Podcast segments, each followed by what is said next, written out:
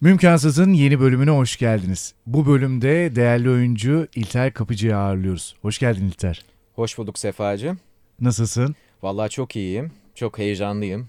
Hoş geldin, hoş geldin. Ayaklarına sağlık. Nasıl gidiyor? Günler nasıl geçiyor? Karantina dönemi. Karantina dönemi günler güzel geçiyor. Daha çok online eğitimler, proje hazırlıkları, e, belli bilgileri yeniden gözden geçirme ve belli pratikleri düzenli şekilde yapmakla geçiyor mesleki çoğu, çoğunlukla. Yani genel anlamda stabil ama güzel diyebilirim. Pandemi dönemi aslında çoğu insan için hem yapmak istediklerini yapmak için ciddi bir zaman avantajı sağladı. İşte kimisi de diyor ki yeter artık kişisel geliştiğimiz bu kadar da gelişmeyelim biraz da yatalımcı bir tayfa var. Sen ne tarafta rol aldın? Ya ben özellikle 30'larımdan sonra kendi iş alanımla Hı. bir de kendi iş alanımla bağlantılı ve bu iş alanında beni daha görünür ve daha güçlü kılacak belli disiplinlerle haşır neşir olmaya başladım. Ve pandemi bu anlamda hem okuma hem okuduklarımı pratiğe dökme hem e, görünürlük anlamında adımlar atma konusunda çok destekleyici oldu benim için. Hani hem zamansal olarak hem de alan olarak çok ciddi yol kat ettim ben pandemide. Kendi kişisel birikimlerim ve mesleki anlamda. Belki ben şöyle düşünüyorum biraz kızıyoruz e, neden böyle bir pandemiyi yaşıyoruz niye böyle bir şey başımıza geldi işte işlerimiz kötü gidiyor falan filan diyoruz belki ama aslında bir daha da elde edemeyeceğimiz kadar genişlikte bir zamana mı sahiptik ne dersin? Birçok şeyi gerçekleştirebilmek adına. Tabii daha bir sessizdi bir kere. Hı hı. Etrafımız daha bir sessizdi. Ee, nedenlere odaklanmak yerine ana odaklanıp bunu Hı hı. Bir şeyler öğrenerek, bir şeylerle uğraşarak ve doğru şekilde dinlenerek, kafa dağıtarak geçirmek gibi bir lütufta bulundu bu süreç bana. Ve birçok kişiye benim gibi hani yaratıcılığını ortaya çıkarmak ve bu konuda kendini görünür kılmak isteyen birçok insana böyle bir lütufta bulundu. Nedenlere odaklanıp sonuçlar üzerine sürekli ne zaman ne zaman diye hayıflanırsak maalesef anı kaçırıyoruz ve bu var olan ortamın, bu var olan faydaların kendimize bir şekilde katkı olmasını engelliyoruz. Evet yani pandemiyi aslında avantaja dönüştürenlerden biriyim diyorsun. Aynen kısmen. Tabii ki benim de hayıflandığım, sıkıldığım zamanlar oluyor. Şimdi burada beylik lafları ediyorum ama sonuç olarak beylik lafları ediyorum. Süreç olarak tabii benim de üf ya yeter evden çıkamıyoruz. Online ders veriyorum sürekli. E sıkılıyor vesaire. insan tabii yani Tabii. O, o da e, yani ona da sıkıcı değil demiyor, demiyoruz ama e, belli bir yerden sonra da saatlerce ve günlerce boş oturmak işte sürekli boş aktivitelerle geçirmek de çok doğru değil gibi geliyor bana bilmiyorum yani. Zamanı e, etkin kullanmak lazım. Tabii ki. Ya planlı program da olmak lazım. Bu konuda hatta buradan müsaadenle bir yöntem önereyim Hı hı. dinleyici arkadaşlarımıza. Pomodoro yöntemi YouTube'dan da araştırabilirler. 25 dakika aralıksız bir şekilde yapman gereken işe odaklanıyorsun. Sonra saatin alarmını kuruyorsun. Alarm çaldığı vakit 5 dakika dinleniyorsun. İster kahve hazırla, ister Instagram'dan keşfetten insanları stalkla. Tamamen sana kalmış o 5 dakikayı ne şekilde kullanacaksın. Sonra tekrar 25 dakikalık çalışma sirkülasyonu. Ben bunu oturttum hayatıma ve birçok konuda ilerleme kaydettim. Özellikle beceriksiz olduğum sosyal medya ve internet kullanımı konusunda çok ciddi bir yol kat ettim ve bu benim artık çok işime yarıyor. Aslında o 25 dakika işe odaklandıktan sonra o hazzı ertelemiş oluyorsun ve o hazza ulaştığında daha da tatlı geliyordur o 5 dakika. Hem öyle daha tatlı geliyor hem de ulaşmak istediğimiz haz durumunun aslında bir yanılsama olduğunu da anlıyoruz ve belli bir yerden sonra asıl hazzın o 25 dakikalık süreç olduğunu görüyoruz. Yol değil mi aslında yolun Tabii. daha haz verici olduğunu evet. Şimdi bir de kural şöyle bir kural Sefa. Bu yöntemde zil çaldığı vakit bırakacaksın her şeyi. Çok önemli bir yerdeyim. Bir konuda bir bilgi edinmek için bir okuma yapıyorum. Çok heyecanlı bir yerdeyim. Pat zil çalıyor. Bu konuda da kurala riayet etmek gerekiyor. Peki disiplin anlamında bu kurala riayet edebil edebildin mi bu çalışma Tabii ki. sürecince? Tabii ki. Ya şöyle ki özellikle 2021'in başlangıcından itibaren ne zaman ben durumu kanıksadım, sürecin artık belirsizliğini, ne zaman bitecek hayıflanmalarını bir kenara bıraktım. Bu 2021 ile oldu. 1 Ocak'tan itibaren bu yöntemsel faaliyetleri tam anlamıyla uygulamaya başladım. Çünkü hazza ulaştığında aldığın mutluluk belki kısa sürecek ve Hı hı. bitecek. Ama o yol boyunca aldığın haz, engeller, mutluluklar, acılar, üzüntüler onun bence genele baktığında hazı daha bambaşka. Tabii. Biz zaten mesela özellikle bu programda o yüzden mümkansız diyoruz. Çünkü imkansız bir başlangıç noktası. Mümkün de sonuç noktası. Fakat ikisinin arasını konuşuyoruz ki bize zaten haz verecek. O yolu anlatacak süreç o. Peki senin yolun nasıl başladı? Oyuncu olmaya nasıl karar verdin? Küçüklüğünden beri bize bir kendini anlatır mısın? En baştan başlayayım Evet. istersen. Hikayenin başından başlamak makbuldür. Hı hı. Ön söz niteliğinde. 1987 Şubat'ında doğdum ben. 9 Şubat'ında dünyayı sigara bıra- Dünya Sigara Bırakma Günü'nde doğdum. İnşallah sigara içmiyorsundur. İçmiyorum çok şükür. Çocukluğum 3 yaşıma kadar olan 3 yaş 3 yaşımdan öncesi hariç sürecin birçoğunu hatırlıyorum. Yani oyun oynama sevgisinin, oyun oynama coşkusunun 3 yaşımdan itibaren bir de tek çocuk olmanın ve bir de hani göz bebeği torun olmanın getirmiş olduğu hadi oğlum kalk bir şeyler yap, hadi oğlum müzik açtık oyna.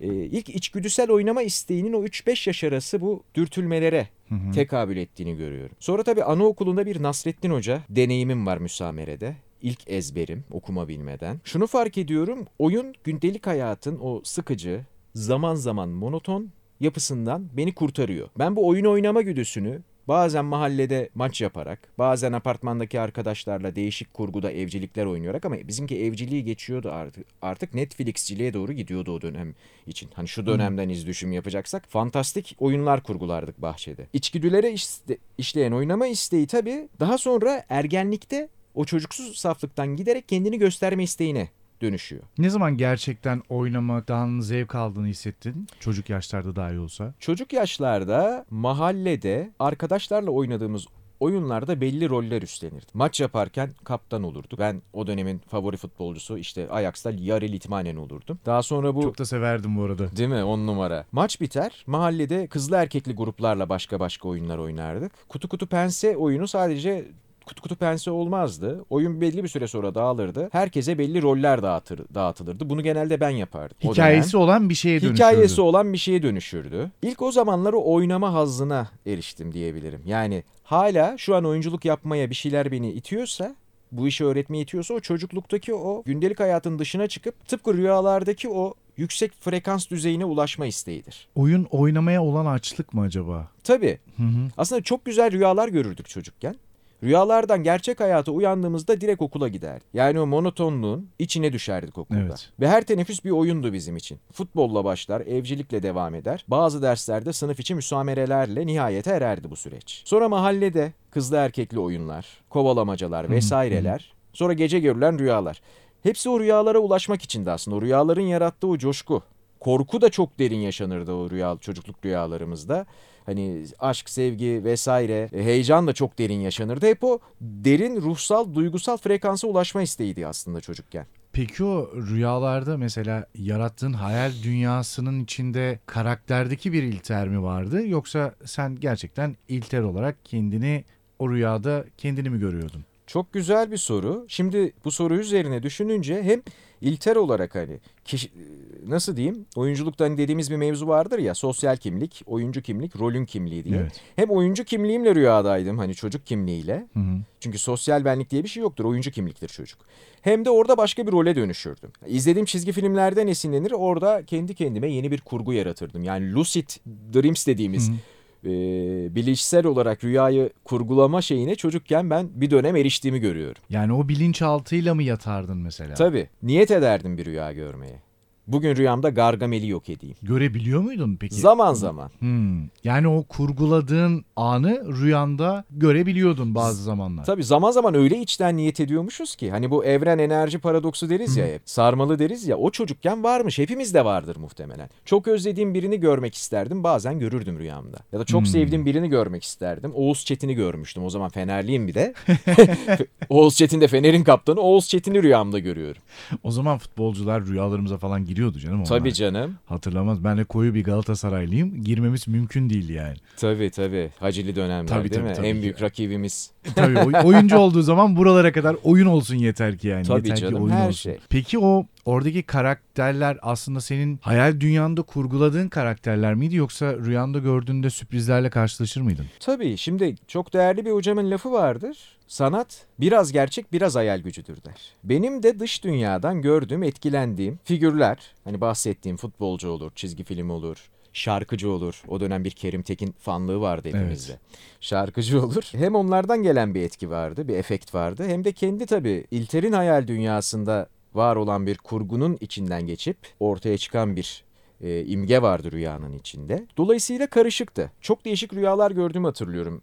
İlkokulda laboratuvara inerdik. Bir Ayşen hocamız vardı. Kulakları çınlasın. çizgi filmler izlerdik. O dönem zaten televizyonda hani belli çizgi filmler var, belli kanallar var. 4-5 tane Evet. kanalımız var 8 yaşındayken. Oraya her indiğimizde orada izlediğim çizgi filmler bende acayip bir şey oluştururdu. His. Nasıl bir his?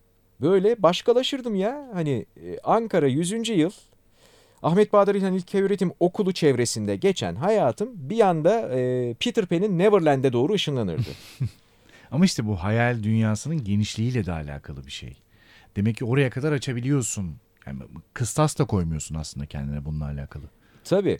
Yani dolayısıyla o laboratuvarda çizgi film izleme süreçleri de rüyalarda zaman zaman enteresan karakterle ilk karşılaşıp Evet. o Beauty and Beast'teki Hı hı. o güzel ve çirkin canavarla karşılaşıp canavara ilk canavardan kaçıyorum sonra canavara şefkat gösteriyorum sonra ben o canavara dönüşüp insana dönüşüyorum. Yani o canavar insan iltere dönüşüyor bir bütünleşme oluyordur rüyamda. Muhtemelen bunu Jungçu bir psikanalizciye söylesem inanılmaz bir psikanaliz rüya yorumu hikayesi yapar. Aynen. Çocuklukla alakalı.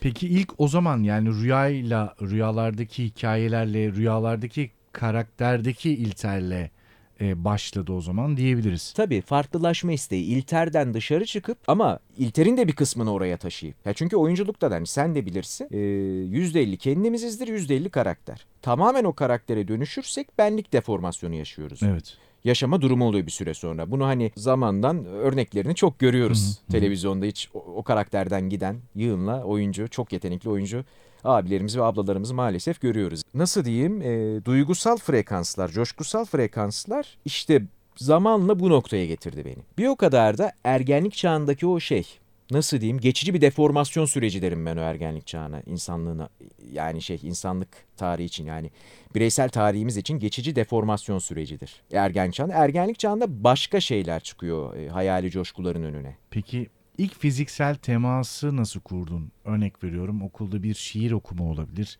ya da bir okul müsameresinde küçük bir tiyatro oyunu. Yani ilk oyunculukla fiziksel temasın ne zamandı? Ve bu senin kendi istek ve iradenle mi gerçekleşti? Hoca seçti. Anaokulundayız. Hı hı. Nasrettin Hoca 23 Nisan haftası ya da yerli malı haftası ama 23 Nisan haftası diye belleğimde kalmış. Anaokulundayım. 5,5-6 yaş aralığı. Hocamız dedi ki sen Nasrettin Hoca ol. 4 erkeğiz sınıfta. Zeytin satıyorum. Zeytinci zeytinci pamuktan bir sakal yapmışız. Kafamda bir tane şey kabuk. Kavuk. Bir de şal var üstüme şey. Bir de tesbih elime. Ama şeyim sevmiyorum Nasrettin Hoca'yı. Ben yakışıklı prens falan olmak istiyorum. İstemiyorsun hocayı. Ama hoşuma da gitti şimdi. Zeytinci zeytinlerim var falan. Bir zeytin satma merasimi, sonra sonunda bir şaka espri her zamanki Nasrettin Hoca absürtlüğü. Ondan sonra şey ilk oyunculuk deneyimi tecrübesi orada zaten müsamere tecrübesiyle beraber sınıfta o dönem hoşlandığım bir kız var. O hoşlandığım kız Pamuk Prenses, Prens, Kül Kedisi, Prens gibi kurgular yapmaya çalışarak yaklaşmaya çalışıyordum. Yani o dönemki çocukluktaki e, Kazanovalık anlayışım da oyunsu bir. Oyunculukta bir yürüme sanatı gibi. Tabii. Oyunculuğu yürüme sanatı olur. Peki o oyunun sonunda nasıl bir hisle bitti oyun? Mesela istemediğim sonuçta çok da aslında Nasrettin Hoca'yı oynamak istemiyordum diyorsun. Tabii. Hani belki sonunda ya çok da bana göre değilmiş sanki de diyebilirdin. O oyunun sonunda ne dedin ya? Evet Nasrettin Hoca'yı sevmedim ama ben yine de oynamayı sevdiğim gibi bir şeyle bitti mi mesela? Alkış almak. Hmm. O çocuksu hani ergenlikte bu daha da artıyor. Hmm. Bu beğenilme isteği. Evet. takdir edilme isteği o alkışı almak teşvik ediyor. Çünkü takdir edilmeyen bir yerler mi var acaba? Neden biz oyuncular takdiri bu kadar önemseriz? Yani birçok faktör var. Genetik faktörler var. Ailede de içgüdüsel olarak yerleşmiş takdir edilme isteği. Hı hı. Aile fertlerinden herhangi birinde olabilir. Varsa bir sonraki kuşağa aktarılabilir. Duygusal hassasiyet buna sebebiyet verebilir. Yaşadığımız toplumun dinamikleri, Evet. hani bunun okul ve ailevi yapıya sirayet ediş sonucu oluşan tavır davranış kalıpları etki edebilir. Birçok faktör buna sebep. Çünkü bir oyuncu şöyle e, demişti ben de az çok katılırım buna. İşte oyuncular genelde sırtı sıvazlanmamış insanlardır. Çünkü bir şey ürettiklerinde aha bunu yaptım bakın görün ben ne yaptım deme ihtiyacı duyarlar demişti. Katılıyorum buna açıkçası. Tabii ben de çok Ee, katılıyorum. eksik yanları illa acılı bir geçmişe gerek yok bunun için. Ama o tamamlanmamış ihtiyaç duyulan yerlerin oluşturduğu eksikler diyebiliriz belki buna. Peki konuyu dağıtmayayım. Burayı mutlaka konuşalım ama senin hikayeni dinleyelim önce. Hı hı. İlk oyuncu olarak deneyimin Nasrettin Hoca ile başladı. Evet. Ee, anaokulunda başladı. Tabii. Sonra nasıl ilerledi? Sonra nasıl nasıl sevmeye başladın? Ee, nasıl burada kalıcı olma kararı ya da burada bir kariyer planlama isteği nasıl devam etti? Ortaokul, lise o dönemleri lütfen anlatır mısın? Tabii ki. Şimdi ilkokuldan zaten ortaokulun sonuna kadar her 23 Nisan 19 Mayıs ve farklı farklı önemli gün etkinliklerinde kendimi sahnede buldum. Kah şiir okudum işte yeri geldi halk oyunları ekibinde halay başı oldum. yeri geldi kızlı erkekli dans koreografileri yaptık. Koroda yer aldım. Hep bir öne çıkma öne çıkma ben de kendimi göstermeliyim ve tabii ki ilkokul sonu ve ortaokul sonunda iki ayrı tiyatro oyununda yer alıp dikkat çekmem. Hani sahnede dikkat çekmek. Ortaokul ve lisede. Liseye şimdi geleyim. Ha ortaokulda mı iki oyunda dikkat çektin? İlkokul 5 bir de 8. sınıfta iki birer oyunda oynadım üçer yıl arayla. O oyunlarda daha bir dikkat çekince özellikle 8. sınıf ve lise 1'de oynadığım oyunlarda dikkat çekince vay ses tonun çok güzel vay sahneye çok yakışıyorsun. O zaman bir içime nifak tohumları ekildi. Lisede de bir anda başrol alınca başrol oyunda yaşar ne yaşar ne yaşamaz Aziz Hmm, Nesin'in. Hiç de evet. kastım değil aslında. Ama hoca ve hocanın vereceği tuttu rolü. Hı. Bir şey de diyemiyorsun hocaya. E bir de başrol almışsın şimdi. Edebiyat fiyakası var. öğretmeni Tabii. miydi? Klasiktir zaten hiç değişmez. Evet. Edebiyat öğretmenlerinin tiyatro kulübü tutkusu. Tabii evet. Asla. Tabii pencereden kızlar bağırıyor. Yaşar yaşamaz. Sokaktan yürüyorum bir kız bağırıyor. Yaşar yaşamaz. İnsan bir heyecanlanıyor. Tabii lisede popüler olmaya başlamışsın. Tabii. Sonra yine lise sürecinde devam eden e, müsamere, şiir okuma süreçleri, Hı. koro süreçleri. Tabii gündelik hayatta da o oyuncu kişiliği çıkarma isteği var. Şimdi hep espri, hep şaklabanlık, hep eşek şakaları yapma eğilimi Evet. oyuncularda çok vardır lisede. İşte ortamın dikkat çeken kişisi olma Tabii. arzusu da yatıyor aslında altında. Tabii. Sonrasında işte lise bitiyor. Bir yıl boş geziyorum. Ne yapacağım, ne edeceğim. O ara tabii diziler fırlıyor. Lisede tiyatro kulübüyle bir oyun çıkardınız. Onu oynadın. Sonra lisede bu... Lisede iki oyun oynadım. Tamam. Sonra Midas'ın kulaklarını oynadık. Orada da Midas'tım. Ondan sonra bir iki şiir dinletisi. E, yine kültürel etkinliklerde vardın. Peki Tabii. lisede mi oluştu? Çünkü artık üniversite sınavı geliyor, yaklaşıyor. O karar verme süreçleri nasıl gelişti? Ben olayı lisede hafife alıyordum. O ergen cehaleti vardır ya lisede. Hı. Şimdi sınavdan kim 250-300 alacak? 185'i geç. Sınava gir. Beğenirlerse alırlar. O kadar rahat bakıyorum ki olaya. Ama sanırım konservatuar sınavlarında istemiyorlardı diye hatırlıyorum değil mi? ÖSS'de barajı geçmen yeterli. tabii herhalde. tabii genelde. Özel yeteneğe kalıyor. Şimdi hani görüyorum sürecin ne kadar zor olduğunu. Evet. evet. Sonrasında lise lise bitti. Bir yıl böyle kendi kendime boş gezdim. Ne yaparım, ne ederim diye. Hı hı. Hani çok da irdelemedim. Kafamda oyunculu olmak var ama tiyatro tam istemiyorum o ara. Gözümü şeylere dikmişim. O ara bir İstanbul Masalı oynuyor bir yandan. Bir yandan Çemberimde Güloya var. Hı, o dizilerdeki kamera önü. kamera önü Hmm. istiyorum. Bir Necat İşler'e özeniyorum. Ozan Güven'e, Mehmet Günsür'e özeniyorum. Onlar gibi olacağım. Fiyakalı bir adam olacağım diye şeyim Hı. var. Sonra işte Ankara Sanat Tiyatrosu süreci var bir yıl. Orada bir tiyatroyu sevme, tiyatroyla daha içli dışlı olma durumu. Yeniden daha hani teorik altyapısına vakıf olarak. Hı hı, hı hı. Sonrasında sınava girer girmez işte Kocaeli Üniversitesi oyunculuk bölümünü kazanıyorum. İşte 4 yıllık bir süreç. Hı hı. Orada çok kıymetli hoca Varlam Nikoladze ile tanışmak ve Stanislavski'yen oyunculuk temelini en doğru en etkili biçimde aldığımı düşünüyorum ben. Yani gerçekten Sovyet ekolünden gelen birinden. İşte okuldan sonra başlayan ikinci bir eğitim süreci var. Yarı zamanlı müzikal İstanbul Üniversitesi Konservatuvarı'nda. Onu da operadan gelen Hı. operacı arkadaşlarımın dürtmesi sayesinde. Oğlum sesin güzel. Bunu değerlendir. Şarkıcı olmasan bile şarkı söyleyen bir oyuncu ol. Teknik bil. Hı hı. Hadi bir de müzikali deneyelim. Oranın da orayı da kazandım. Bir de müzikal sürecim oldu. Ha, çok güzel. Peki bu oyuncu olma süreci işte herkesin artık lisede bir kararı e, oluşmaya başlıyor. Ben şu olmayı düşünüyorum, bu olmayı düşünüyorum gibi gibi. Şimdi oyunculuk burada e, yapısı itibariyle aslında işte belirsiz kazanç durumu, garantisi olmaması gibi birçok sıkıntısı var. Burada iç yapıda aileyle çatışmalar yaşandı mı? Nasıl onları ikna ettin? Karar verme sürecinde etkilendin mi, etkilenmedin mi? Biraz bunlardan bahsetsene. Ailem destekledi çok sağ olsunlar. Hı. Hani sonuçta bir üniversitede okuyacak bir çocuk. Dört yıl bir fakülte bitirecek. Bir de devlet tiyatrosu var, şehir tiyatrosu var. Diziler var dedi yani. Çocuğun da eli yüzü düzgün, ses tonu falan iyi. Hı. Hani bir diziye miziye girebilir, bir şey yapabilir. Bu işte kazanç var dediler. Çünkü dizi, dizi sektörünün o dönem şimdi 2000'lerin başından itibaren Dizi sektörü coştu. Evet. 2000'lerin ortasında tam böyle yerini buldu. Evet dizilerden para kazanılmaya, çok ciddi para kazanılıyor gibi bir Evet. durum oluştu. Evet. Çünkü dizi alan yerden dizi satan bir yere dönüştük. Tabii öyle bir durum olunca artık şey tarihe karışmaya başladı. Oyuncular da aç kalıyor. Tarihe Evet. karışmaya başladı. Ya oyuncular da iyi kazanıyor ha ama tanıdık falan belki de olur şans yani. Bir gün çıkıyor işte Türkiye Yıldızı'nı arıyor. Beren Saat, Engin Akyürek gibi iki isim çıktı orada. Hı hı. E bakınca herhangi bir torpil olmayan insanlar. Evet, evet. Sevildiler programda ve şu an çok ciddi paralar kazanan Evet. İki oyuncu. iki oyuncu ve iyi de yetenekli de iki oyuncu. Hal böyle olunca artık oyunculuk cazip bir meslek olmaya ve aileler tarafından da ha, bir denesin ya çocuk. Olmadı Hı. başka bir şey yapar. Yani oyuncu olmasa da başka bir şey olur orada. Sonuçta öyle bir eğitim alıyor ki iyi konuşuyor. İşte duygularını düzenleyebiliyor. Evet. Beden dili çok iyi oluyor. Yani oyuncu olmaz drama hocası olur. Çünkü her okulda yavaş yavaş drama hocaları, drama hocalığı gibi bir alan oluyor. Özel kurumlar açılıyor. Gitgide bizim işin de network'ü ve alanı genişliyor. Peki o zaman manevi anlamda senin arkanda durdular ve Tabii. sen bu yolu yürüyorsan biz arkandayız dediler. Bu çok önemli bir destek bence. Hı hı. E, Çünkü birçok oyuncu bu anlamda tam tersine bir tepki. Ben görüyorum mesela genç arkadaşlarda işte Sefa abi oyuncu olmak istiyorum ama annem izin vermiyor, babam izin vermiyor. İşte ailem diyor ki yarın öbür gün nasıl geçineceksin falan filan gibi çocuğu şimdiden kararlarını etkileyen yönlendirmelere geçiyorlar. O yüzden bu bence çok önemli bir destek diye düşünüyorum aldığın. Tabii. Peki bu e, işte konservatuar süreci ne gelmek istiyorum? Biraz da orada karar verdikten sonra bir konservatuara hazırlanma süreci geçirdin. O süreç nasıl geçti? Konservatuara hazırlık sürecinde kendi kendime çalıştım. Hı hı. Bir iki tane o dönem lisanslı okuyan, Ankara'da okuyan arkadaşlardan birkaç briefing aldım. İlk Kocaeli'yi denedim. Kocaeli'yi de kazandıktan sonra zaten Kocaeli iyi bir tiyatro şehriydi. Hı hı.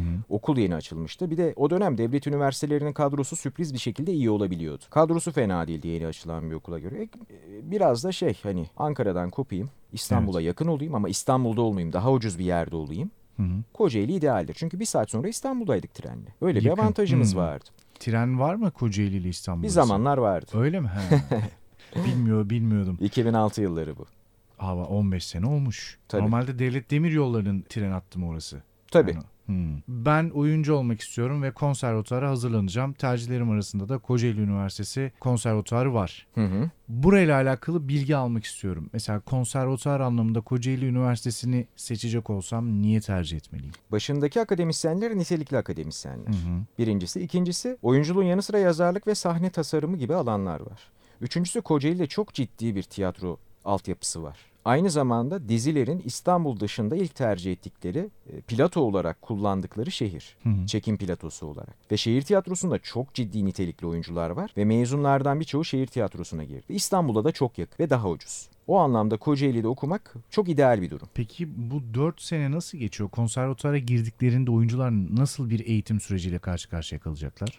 Nasıl bir eğitim süreciyle karşı karşıya kalacaklar? Şimdi oyunculuk hocaları Gürc- Sovyet ekolünden olduğu için çok güçlü bir Stanislavski temeli Hı hı. ve aynı zamanda da fiziksel tiyatro temeli alacaklar. Ve işin güzel tarafı okudukları süreç boyunca şehir tiyatrosuna hani daha çok küçük figürasyon rollerde dahil olup işi mutfağında da görme kısmı olacak ve yazarlık gibi sahne tasarımı gibi diğer bölümdaşlarıyla kreatif ortak iş yapma gibi bir durumları olacak. Yani birçok konuda enteresan ve zengin bir deneyime sahip olabilecekler. Çünkü oyuncu olmak istiyoruz Hı hı. ve genelde oyunculuğu sadece dizi, işte sinema ve reklam üzerinden konumlandırıyoruz. Ama işin içine işte konservatuara gittiğinde ciddi bir çalışma disiplini, egzersiz, işte hakikaten diğer meslekler gibi ciddi bir çalışma sürecine giriyor olman lazım. Şimdi bazı oyuncu arkadaşlar sadece o tarafıyla oyuncu olma isteğindeki arkadaşlar sadece o tarafıyla değerlendirdikleri için konuyu konservatuar gibi ciddi bir yere girdiklerinde belki de şaşırıp kalacaklar. Ya ben bu işi gerçekten de istemiyormuşum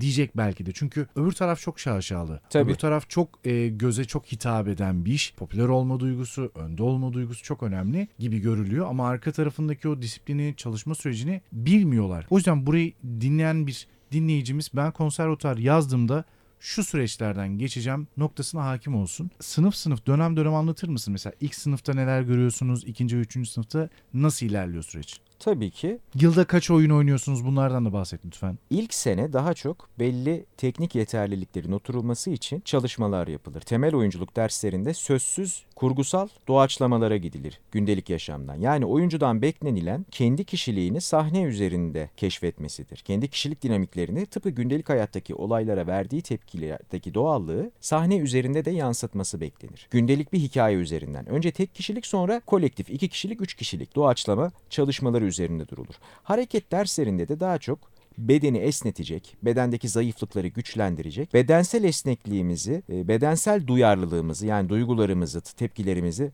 daha net bir şekilde yansıtabileceğimiz bir hale getirmek amaçlı, amaçlanır bedeni.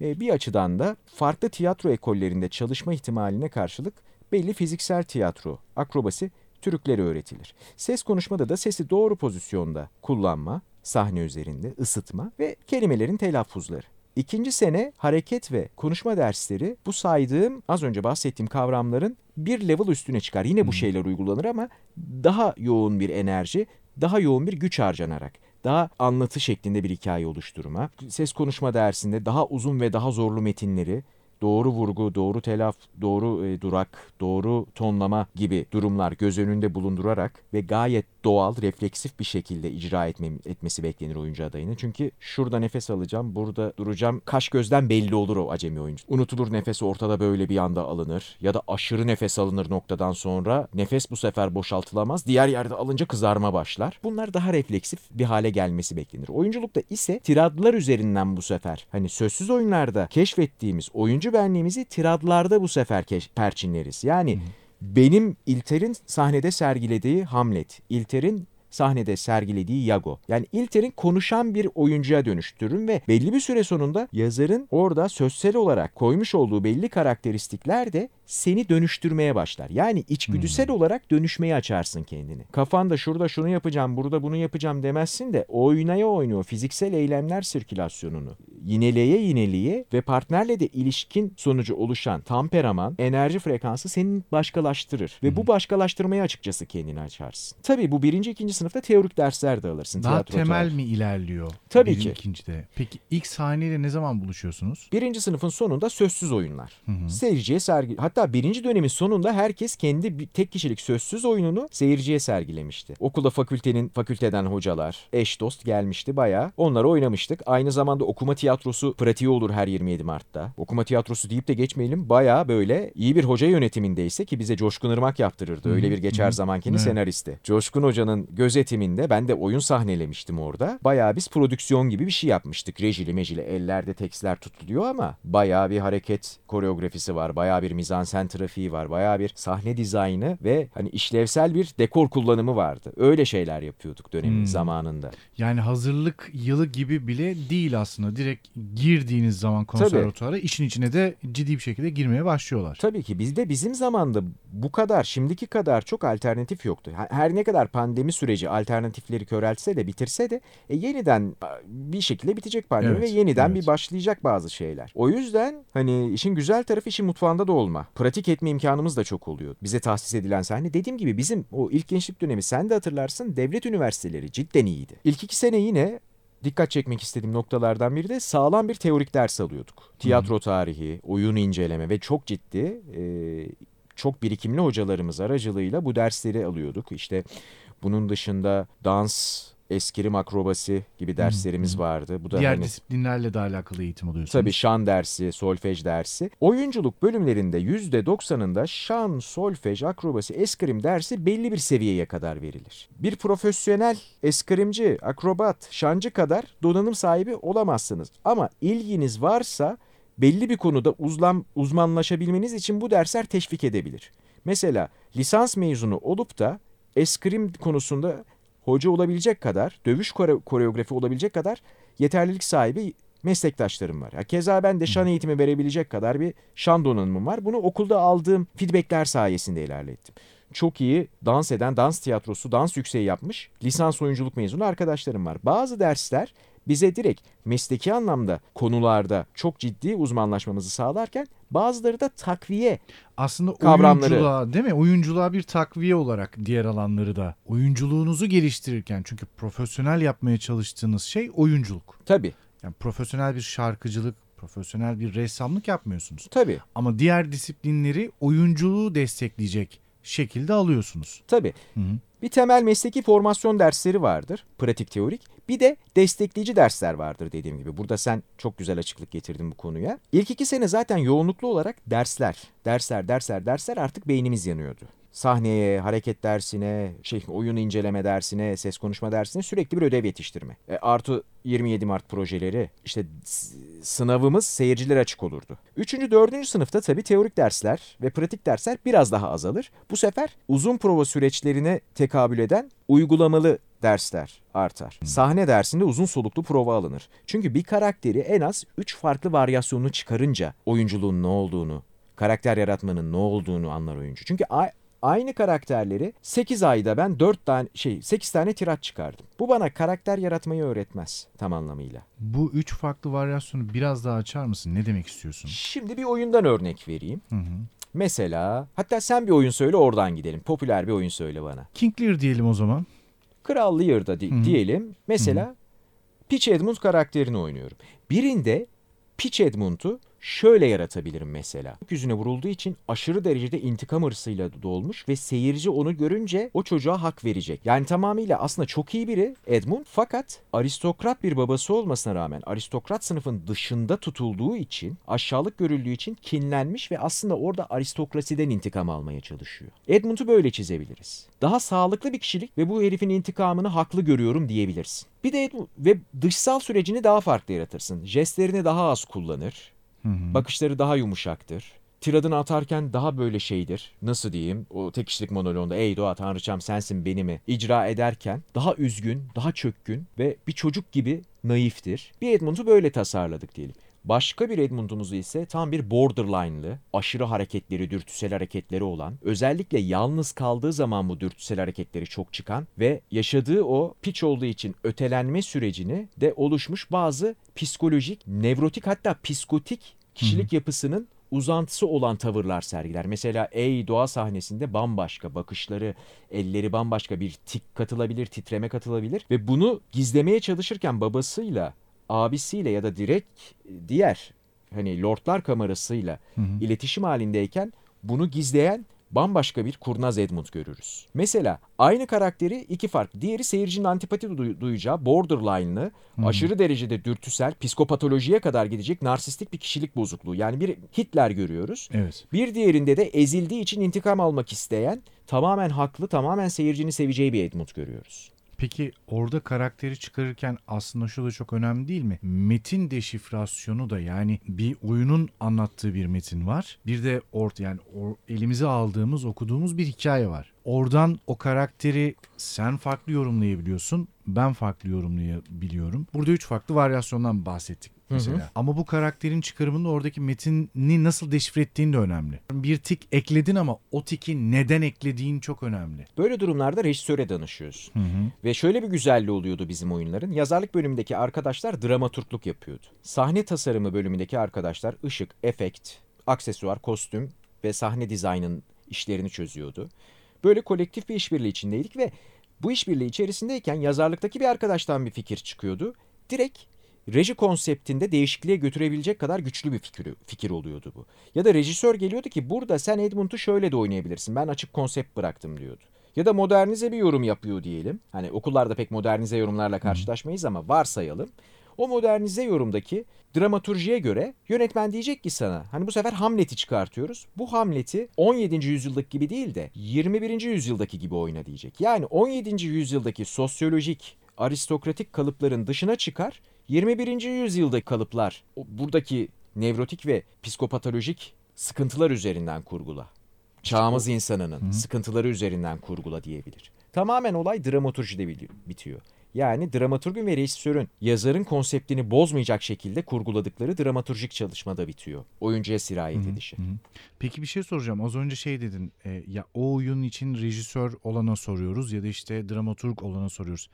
Kendi aranızda da rotasyon mu yapıyordunuz? Yani bu rotasyonla aslında bütün o oyun dinamiğine hakim olma egzersizi mi yaptırılıyordu size? Örnek veriyorum Marty'yi çıkartıyorduk biz. Dato Hoca ile Marty'yi sahnelerken sadece oyuncu konumundaydı. Orada yazarlık bölümündekiler dramaturji masasıydı. Tasarım bölümündekiler de sahne tasarımının değişik unsurlarını hallediyorlardı, bölüşüyorlardı, rota- rotasyon yapıyorlardı kendi aralarında. Ama 27 Mart gösterileri yapıldığı zaman mesela yazarlık birinci sınıf öğrencileri oyunlarını yazıyordu. Yazarlık birinci sınıf oyuncuları onları okuyordu. Sahne tasarımını yazarlık, şey tasarım birinci sınıf öğrencileri organize ediyordu. 27 Mart'ta tek gösteri için. Ve biz 3. sınıf sahne dersini seçmiş Coşkun Irmak'ın öğrencileri oyunları teker teker yönetiyorduk. O bölümün öğrencileri ilgileniyordu o işle. Tabii ve kendi Anladım. aramızda kolektif bir dönüşüm halindeydik. Yani sahneleme dersimiz ayrıydı, oyun koyma dersimiz ayrıydı. Sahneleme dersinde biz de reji yapabiliyorduk. Çok güzel. Yani hem bir arada çalışıyorsunuz hem de Tabii. bir oyun için yapıyorsunuz bunu değil mi? Elinizde birkaç farklı oyun yok. Bir oyun için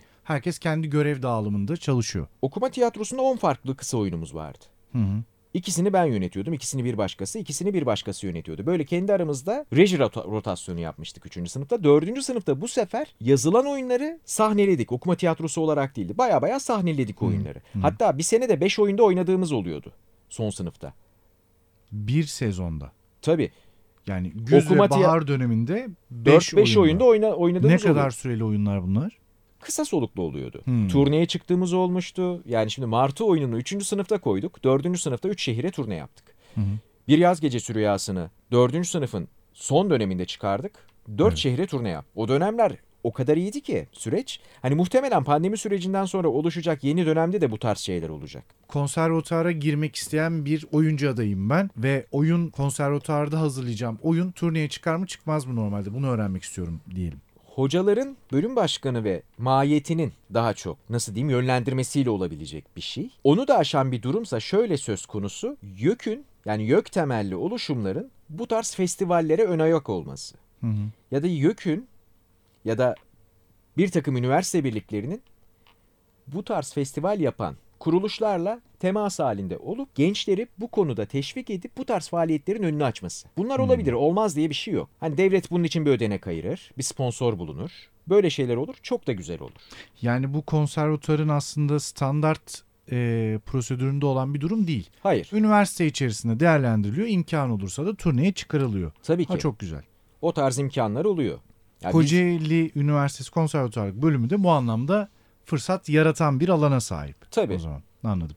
oyunculuk dediğimiz olay ister tiyatroda ister sinemada ister televizyonda ya da başka bir mecrada olsun izleyiciyi çok başka bir boyuta yani varoluşsal anlamda çok başka bir noktaya taşıma gücüne sahip. Ve bu da bu işi gerçekten idealist algılarla gerçeklerden kopmayarak ama imkansızı istemeyi de bırakmayacak nitelikte insanlar sayesinde olur. Aslında yeteneğin önündeki en temel kavram bu tutkudur. Evet. Ben biraz olaya şöyle bakıyorum. Oyunculuk özelinde de bir şey söylemeyeceğim. Herhangi yaptığınız bir şeyi aşkla yaptığınız zaman e, ve hani aşk biraz şey bir tutku, tutku ya. Mantığın devre dışı kaldığı bir tutku. Tabii. Dolayısıyla yapmaya hep devam ettiriyor sizi. Seviyorsanız sevmeye hep devam ettiriyor sizi. İşte dayak yiyorsunuz, yumruk yiyorsunuz, düşüyorsunuz, bir daha ayağa kalkıyorsunuz ama o işi yapmaya devam ediyorsunuz. Bence biraz işe bakış açımız böyle bir yerden olduğunda e, o işin geri dönmemesi bu kadar büyük bir tutkuya cevap vermemesi mümkün değil diye düşünüyorum ben. E, o yüzden de hakikaten buraya adanmış olmak lazım. Tabii. Ne olursa olsun ben bu konuda netim ve ben bu işi yaparak hayatımı geçirmek istiyorumun netliğine varmak lazım diye düşünüyorum. Öbür türlüsü biraz hayvan kalıyor Tabii. diye düşünüyorum. Peki konservatuar bitti. Konservatuar bittiğinde girerim bir devlet tiyatrosuna oynarım ve hayatımda o şekilde değerlendiririm ve devam ederim. Zaten böyle bir şey istiyordum mu vardı?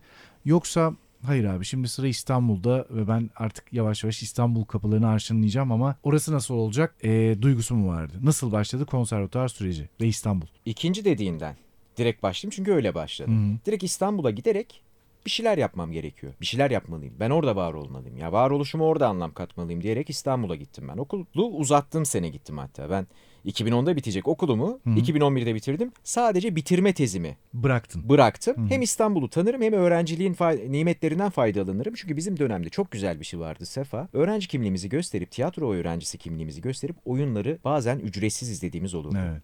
Ve ben o sene 90'a yakın oyun izlemiştim. O çok iyi sayı. Çok iyi Yani haftada 4 gün, 3 gün, 4 gün oyuna giderdik. Bizim bir ekip vardı.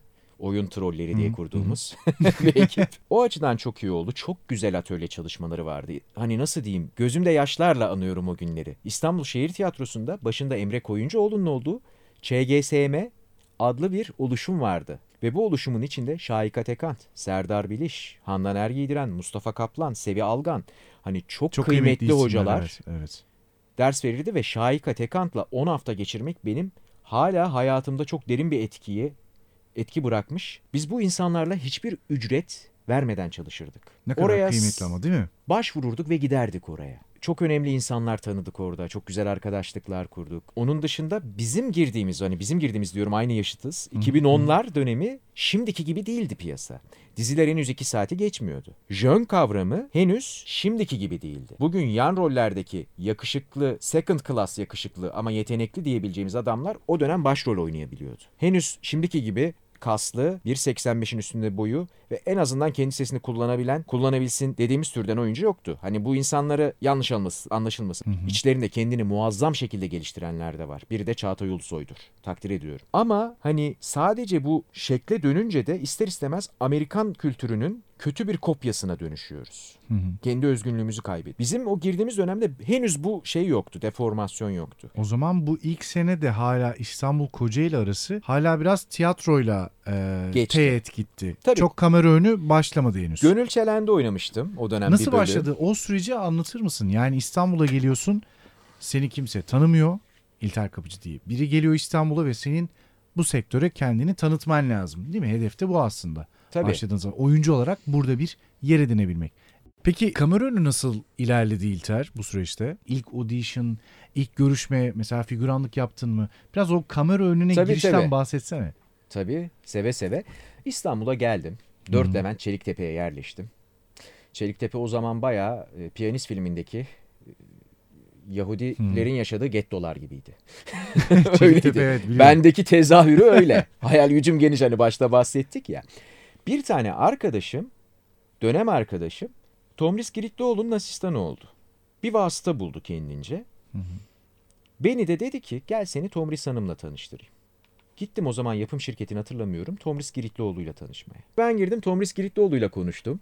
Hı hı. Çok sevdiğim bir filmi vardır. Ee, 80. Adım. Levent Ülgen'in oynadığı. Daha ünlü değil Levent Ülgen o dönem. 96 yapımı muhakkak izlemesini tavsiye ederim herkesin. Muhteşem bir böyle bayağı bildiğiniz Robert De Niro performansı verdiği bir film. Onun üzerine konuştuk. İşte benim hayallerim, hedeflerim üzerine konuştuk. Sonra Rezzan Çankırı yönlendirdi beni. Rezzan Hanım'la çalışmaya başladık. Rezzan Hanım'a bizim arkadaş, yine Tomris Hanım'ın Hı hı, hı. yanında çalışan arkadaşım. Beni öner, birkaç kişi önermiş. 8-10 kişi. 2 kişi seçmiş Rezzan Hanım. Biri ben ve o zaman şimdi geri, geri dönüp bakıyoruz. O ilk bir sene burada açık açık anlatayım başıma gelenleri. Hani hayatın ne getireceği belli olmuyor. Rezan Hanım'la başladın. Tabii. Ee, ilk defa audition'a gireceksin. İlk defa audition'a reklam audition'a giriyorum. Tabii öncesinde bir Gönül Çelen'e gittim. Nadir Sarıbacak ve Günay Karacaoğlu ile karşılıklı oynadım. Nadir Sarıbacak'a da şöyle dedi. Hayatımda izlediğim Türk sinemasında en iyi ko- kompozisyondu abi. Görkem Yeltan'la oynadığı bir film vardı Uzak İhtimal dedim. Adamın gözleri yaşardı. Çok teşekkür ederim dedi. O zaman ilk işin o. İlk Gönül işim Çelen. Gönül Çelen. Audition'a girdin Hı hı. ve aldın gittin. Tabii yok Tom, şey aradı Rezan Hanım aradı dedi ki asistanı aradı şimdi kas direktörü kendisi Feyza Ay. Feyza Hanım aradı dedi ki işte hem tanışma olur hem Tomris Hanım seni bir görmek istiyor kamera önünde. Gittik orada Gönül Çelen'de Ayvansaray'da Ha çekiliyor. bili- biliyorum evet. 2010 Ekim'i ya da Kasım olsa gerek. O zaman tabii parlak bir çocuğuz. Şimdi de çok bir şey değişmedi. Sarışınlar yaşlanmıyor. evet sarışınların enteresan bir avantajı var ya. Yaşlanmıyoruz. Eyvallah. Sonrasında auditionlar gelmeye başladı ama çok enteresan dizi auditionları geliyor. BKM'nin dizi audition'ı geliyor. Kurtlar Vadisi'nden Çakır'ın oğlu için dizi audition'ı geliyor. Bir reklam audition'ı geliyor. Reklam için callback'e gidiyorum. O ne diyorum? Yavrum callback diyor asistanı şey Feyza Hanım. Yönetmen görüşmesi diyor. Yönetmen görüşmesinde de görüşmesine de hiç gitmemişim. Gidiyorum yönetmen görüşmesine. Orada bir tane yabancı bir yönetmen görüyor. Dağcılık yapıyor musun diye soruyor bana. Öyle enteresan imkanlar Çok geliyor. enteresan ya. Oradan başka bir yere mi Baş- geçti? Geçemiyor işte. Hep tıkanıyor.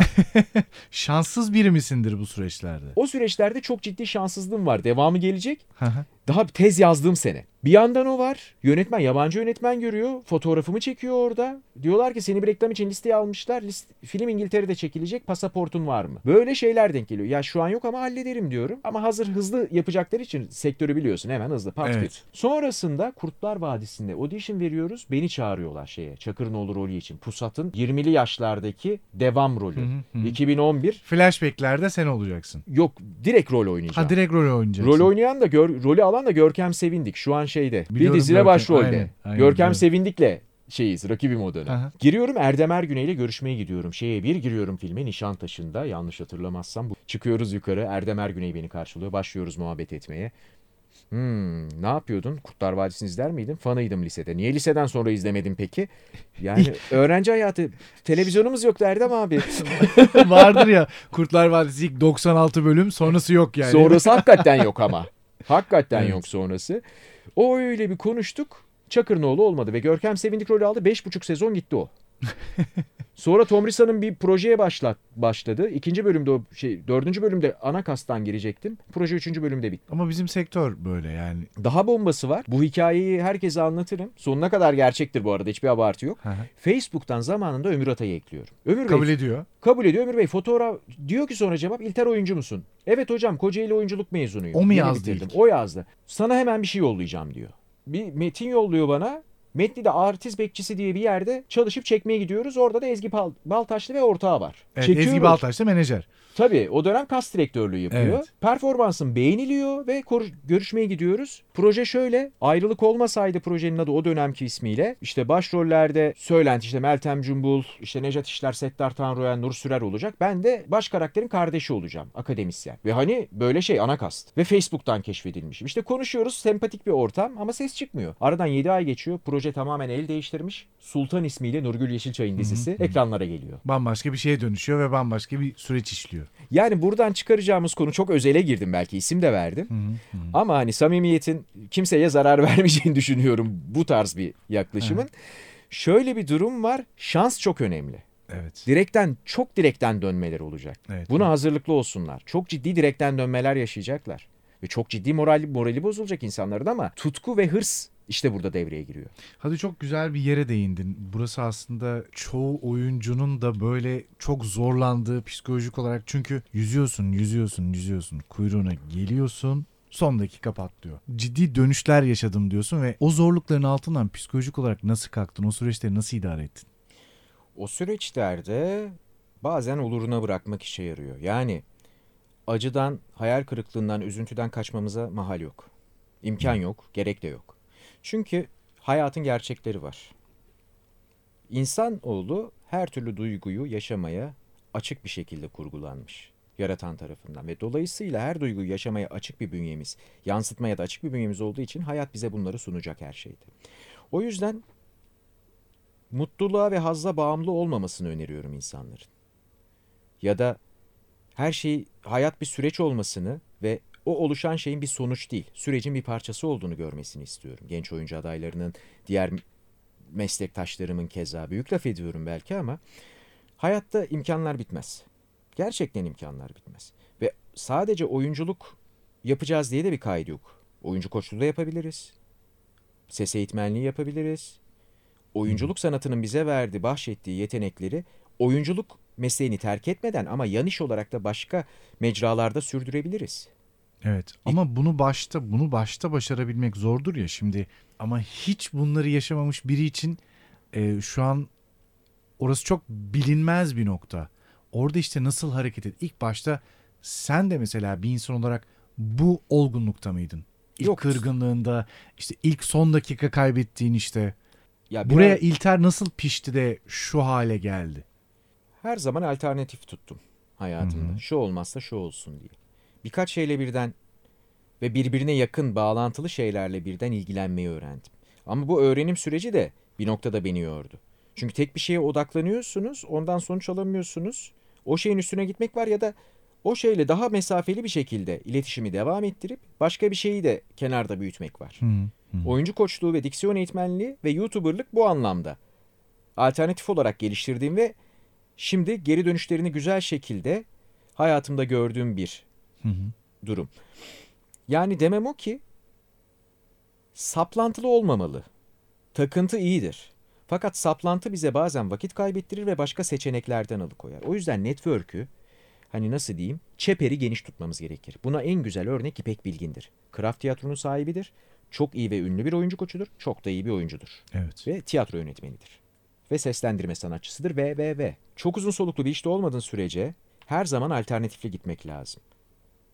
Yani Anladım. bugün 15 sezon süren bir dizide de oynayan insanlar Hı hı. bir bakıyorum geri planda başka başka işler de yapıyorlar. Kafe açıyorlar, okul açıyorlar, kurumsal hizmetler Hı. veren organizasyon şirketi kuruyorlar, YouTuber oluyorlar. Hep alternatif iş var. Çünkü piyasa öyle bir piyasa ki arz ve talep ilişkisi ters orantılı, zayıf orantılı. Çünkü arz belli, talep çok. Evet. O yüzden hep alternatif ve günümüz alternatifli çalışma düzenine uygun bir dönem. Çünkü oturduğumuz yerden ya da bulunduğumuz bir alandan iş yürütebilme potansiyeline, enerjisine ve imkanına sahibiz. Pandemi bize bunu gösterdi. Evet. Çok rahat işlerimizi aslında halledebiliyoruz. Evden artık audition çekiyoruz mesela. Tabii en güzeli çok seviyorum. Yani günde 50 iş yollasınlar evden çekeyim Evden yani. rahatlıkla çekeriz değil mi? Peki kamera önü süreci nasıl ilerledi? Önce Gönül Çelen'de oynadın. Şimdi mesela dinleyenler biz İlter Kapıcı'yı nerede izledik diye soruyorlardır. Tabii. Nerede izledik seni? Nerelerde izledik? Nasıl ilerledi? Bir anlatsana. Şimdi Gönül Çelen'de tek bölüm bir konuk oyuncu olarak Hı hı. başladım. Daha sonra Anneler ile Kızları dizisi. Star TV'de. Orada rol aldım. Hı hı. O yayından kalktı. Hı hı. 13'ü tamamlayamadan. Orada bıyıklı, alabros saçlı, doğulu bir abi rolündeydim. Şevkat Tepe'de kısa süre bir oynadım. Bir bölüm e, kendim İlter olarak oynadım. İkinci bölüm cesedim oynadı. Üçüncü bölüm hayaletim geldi. Yavaş yavaş yok oluyorsun projeden galiba. Tabii canım çok fantastik bir işti. Evet. Tabii o dönemde küçük reklam filmleri oluyordu. İşte Sabancı Üniversitesi'nin tanıtım filmiydi ve benzeriydi. Kısa filmlerde eş dost arkadaşlara şey olsun hani yardım olsun diye çektiğimiz. Hı. Böyle böyle kamera oyununa ısınmaya başladım. Tabii 2012'den sonra bir 3-4 sene ara verdim kamera oyunu işleri. Tiyatroya çok odaklandım o dönem. Müzikal eğitimine başladım. İşte aynı zamanda vokal olarak yer yer belli etkinliklerde şarkıcı olarak yer aldım. Hmm. Müzikal projelerde işte Erler filmin Balım gibi e, böyle grant müzikal bir projelerde yer aldım. BKM'de keza bir çocuk müzikalinde yer aldım. 2016'dan sonra yeniden bir vasıta bularak, temasa geçerek hı, bir hı. e, yapım şirketine bağlı bir menajerlik firmasıyla yeniden kamera önüne ısınma turlarına geçtim. İşte reklam oldu o yıl. Yine öğrenci kısa filmleriyle yeniden kamera önünü bu sefer daha bilinçli. Çünkü yaş 30'a gelmiş artık daha farklı bakıyorsun hayata ve Badem Evet. Şekeri dizisi oldu. Ee, yönetmenimiz Aydın Bulut, yapımcımız Abdullah Oğuz. Türk sineması içinde çok Hı hı. kıymetli isimler ve çok güzel bir ekibimiz vardı. İlk televizyon filmi olarak çektik ve televizyon filmi çok sevildi. Sonrasında birkaç bölüm çekelim bakalım. Belki sezona yayarız. Yani filmdi dizi mi yapalım ha? TV'de sinema, televizyon filmi formatında. Sonra 2, 3, 4, 5 testere serisine bağladık. Ama çok keyifliydi, çok öğreticiydi benim için Hı. ve kamera ekibiyle bir oyuncu adayına da ve dizilerde oynamak isteyen insanlara sette en çok yardımcı olacak ekip kamera ekibi. Ben bunu anladım. Çünkü kamera denilen cihazın algoritmasını, o makinenin kullanım şeklini en iyi o ekipten öğreniyorsun ve ona göre konumlanmayı Evet. oturtuyorsun. Ve bunu refleks haline getirdiğinde zaten akıyor her şey. Ve orada hani çalıştığım arkadaşlar çok böyle şeydi. Refleksleri çok güçlü, çok yetenekli. Yani Alper Saldıran, Burcu Altın olsun. Çok böyle Mehmet Atay olsun. Büyük tiyatro sanatçısı. Refleksleri çok hızlı, çok güçlü. Artık hani çözmüşler işi. Onlardan tık tık tık tık göre göre de Hı hı. şeyi kavruyorsun. Olması gerekeni kavruyorsun. Öyle bir güzelliği olmuştu. Sonrasında olmadı. Muhtemelen bir kanalda el değiştirme süreci oldu. Neyse o dönemde yine Muhteşem Yüzyıl'da birkaç bölüm oynadım harem ağası olarak Kösem'de. Sonra badem şekeri sürecinde tanıştığım bir arkadaşımla sinema serüvenimiz başladı. Aa hangi film?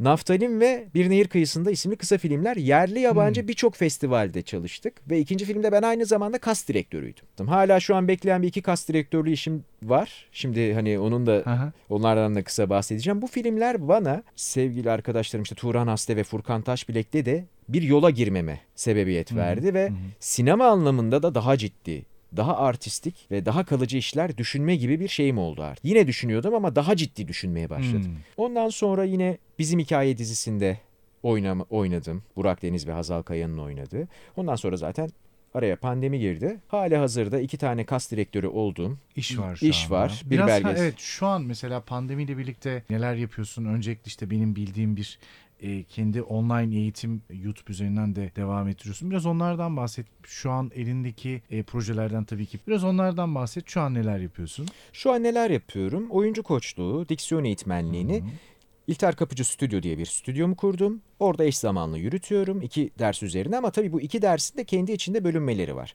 Şimdi konservatuvara hazırlanan öğrencilere ayrı bir müfredat. Piyasada oynamak isteyenlere ayrı temel oyunculuk artı kamera önü oyunculuğu gibi bir müfredat. Kişisel gelişim odaklı bir oyunculuk dersi tasarımım var. Psikoloji psikolojik terapi kavramlarından esinlenerek oluşturduğum bir Aa biraz açsana. Kavram. Enteresanmış. Hani insanları oyunculuk çalışmaları özellikle temel oyunculukla kendini tanıdıktan sonra farklı karakterler çalışarak kendinde eksik gördükleri davranışsal yetileri geliştirmeye teşvik eden Hı hı.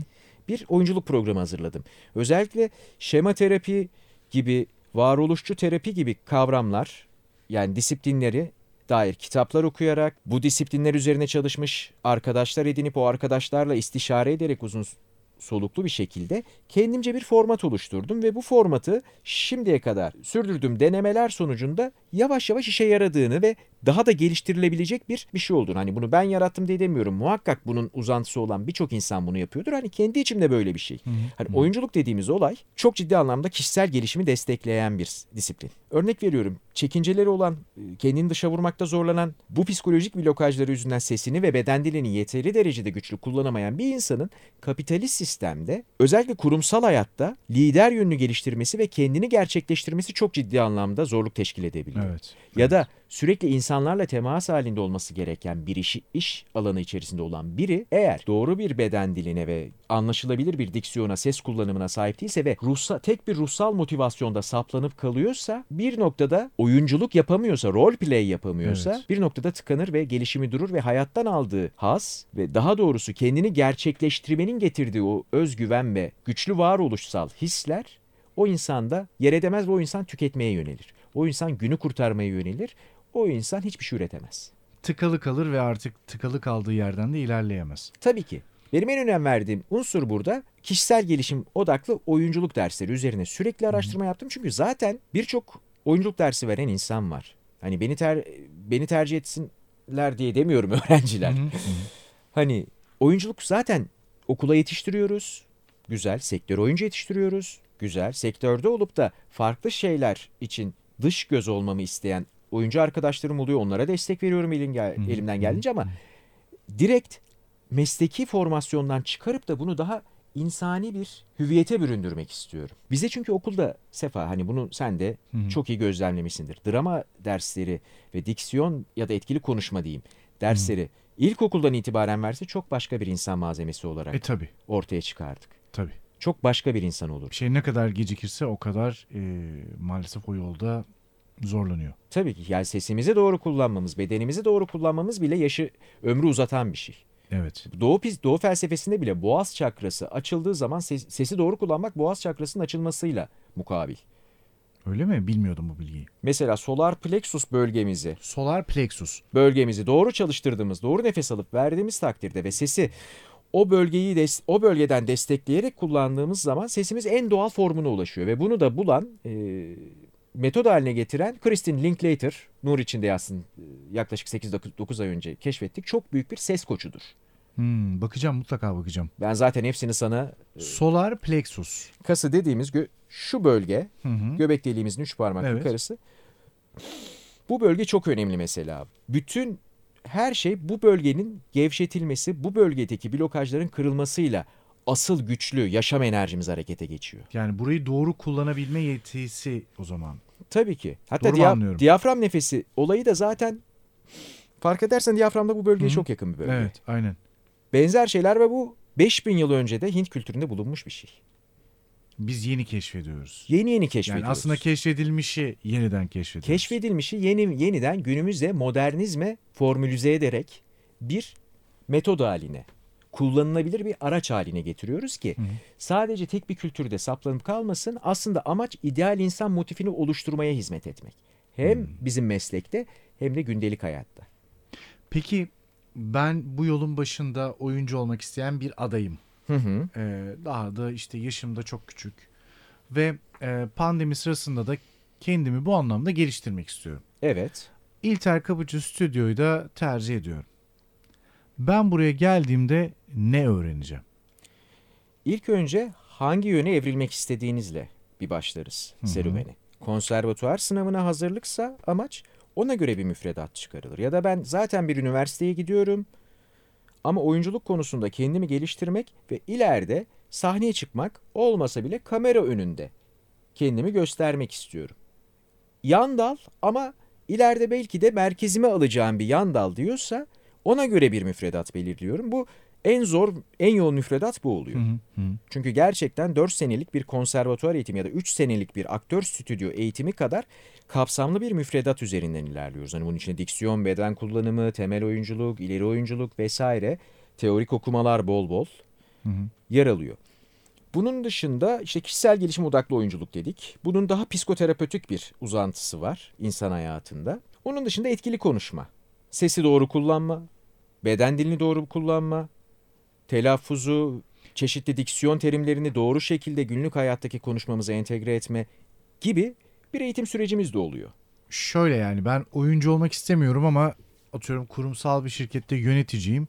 E, senden alacağım eğitimle aslında oradaki hitabet yeteneğimi, Tabii. ses ediksiyonumu da düzeltmek için eğitim alabilirim senden. İlla oyuncu olmama gerek yok. Tabii ki. Zaten bu tarz öğrenciler bu tarz bir eğitimden geçtikten sonra kişisel olarak konuşmalarını, davranış kalıplarını, beden dillerini daha estetik ve daha güçlü etki bırakacak bir şekilde getirmesinin yanı sıra iyi de bir izleyici oluyorlar. İyi de bir analizci oluyorlar. İzleyiciden kastım film izlerken, tiyatro izlerken, edebi bir eser okurken Hmm. daha iyi bir, daha nitelikli bir izleyici, bir sanat alıcısı haline geliyorlar. Yani bu konuda birçok eğitim alan, farklı hocalardan, kurumlardan eğitim alan, bunu hobi olarak yapan insanlara en büyük katkısı bu kişisel gelişim, davranışsal hı. gelişimin yanı sıra estetik anlamda da geliştirebilmesi. Hmm, daha doğru bir gözle bakıyorlar artık. Tabii ki yani bir öğrencim geçen bana bir performans yollamış. Hocam çok beğendim, çok iyi diye gerçekten Başka bir oyuncunun baş performansını oluyor. yolluyor. Hmm. Çok beğendim hocam, çok iyi diyor. Hı hı. Ee, biz size de yollayayım dedim. Benim bilmediğim bir şey. Bir bakıyorum hakikaten çok güzel performans. Çok iyi bir performans. Algılamaya başlamış derslerden Hmm, ötürü. Doğrusunun ne olduğunu artık biliyor. Tabii. Zaten bizim Türkiye'de sen de bunu fark etmişsindir Sefa hani meslek, mesleğin içinde biri olarak. Nitelikli izleyici problemimiz var biz. İzleyici nasıl diyeyim? Şöyle bu cümleyi toparlayayım. Var olan izleyici portfolyosu, halihazırdaki izleyiciler diyeyim, var olan projeleri yapısal ve konsept olarak bir üst düzeye taşıyacak seviyede maalesef. O yüzden birbirinin tekrarı ve aynı kısır döngüde dolaşan işlere maruz kalabiliyoruz.